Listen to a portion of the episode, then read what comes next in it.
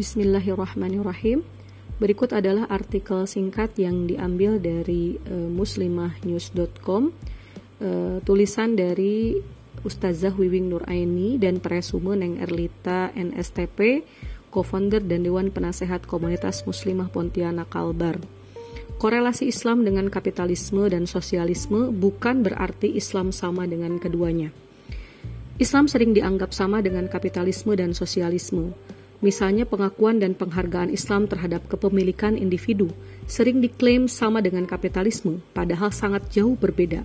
Kapitalisme memberikan porsi yang sangat besar terhadap kepemilikan individu, sehingga setiap individu bebas memiliki harta apa pun, termasuk harta milik umum. Sedangkan Islam menetapkan bahwa harta milik umum tak boleh menjadi milik individu. Misalnya sumber daya alam, barang tambang, dan lain sebagainya – dikelola oleh negara dan hasilnya dikembalikan kepada seluruh rakyat.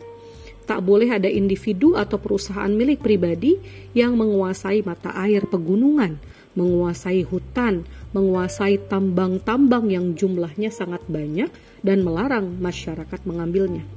Contoh lainnya, perhatian Islam terhadap kesejahteraan setiap individu masyarakat dianggap memiliki kesamaan dengan konsep keadilan sosial ala sosialisme padahal jauh berbeda. Konsep keadilan sosial ala sosialisme menghapuskan sebagian kepemilikan individu, bahkan di sebagian aliran sosialisme telah menghapuskan semua kepemilikan individu. Misalnya tidak boleh memiliki rumah untuk disewakan, tidak boleh punya pabrik, tanah dan sebagainya.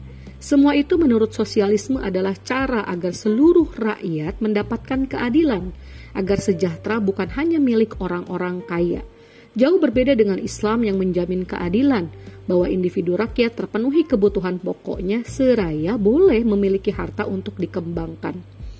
Ini hanya sebagian kecil saja dari aturan Islam yang diklaim sama dengan kapitalisme atau sosialisme.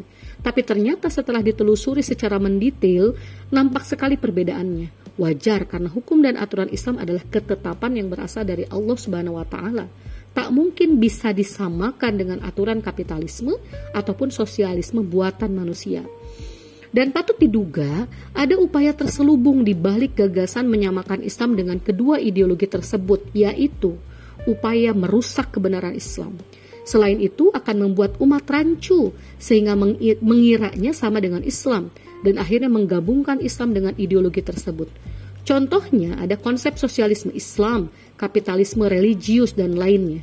Atau penggabungan hanya di sebagian pemikiran ideologi tersebut, misalnya konsep demokrasi Islam, feminisme Islam, nasionalisme Islam, dan lain-lain.